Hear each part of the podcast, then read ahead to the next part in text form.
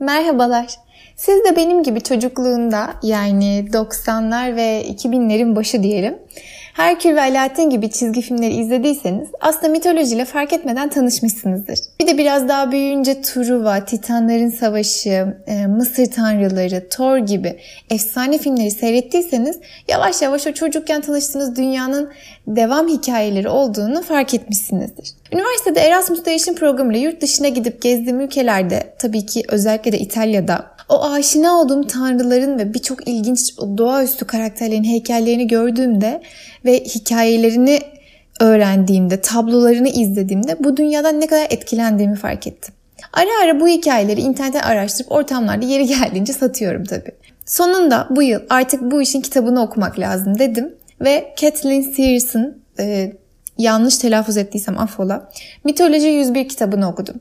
Birçok şey öğrendim. Tabi yeter mi? Yetmez.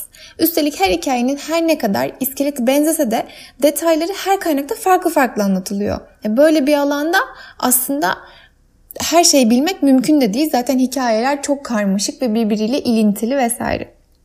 Ama yine de bu podcast'te size hem klasik olan yani ortamlarda bildiğiniz için havalı hissedeceğiniz hem de ilginç bulduğum mitolojik hikayeleri anlatmaya çalışacağım.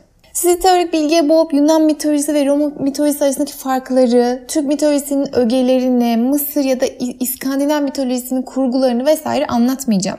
Belki ilgi çekerse, talep olursa bunlarla ilgili ayrı bölümler yaparız. Şimdilik sadece kısaca mitolojinin aslında kendimizce tanımını yapacak olursak, geçmişten beri anlatılan tanrılar ve doğaüstü yaratıkların başrolde olduğu efsanevi hikayeler diyebiliriz. Farklı farklı toplumlarda farklı farklı şekilde türemiş bu hikayeler. Girişimizde yaptığımıza göre bir sonraki bölümümüzde ilginç hikayelerden biriyle başlamak üzere. Hoşçakalın.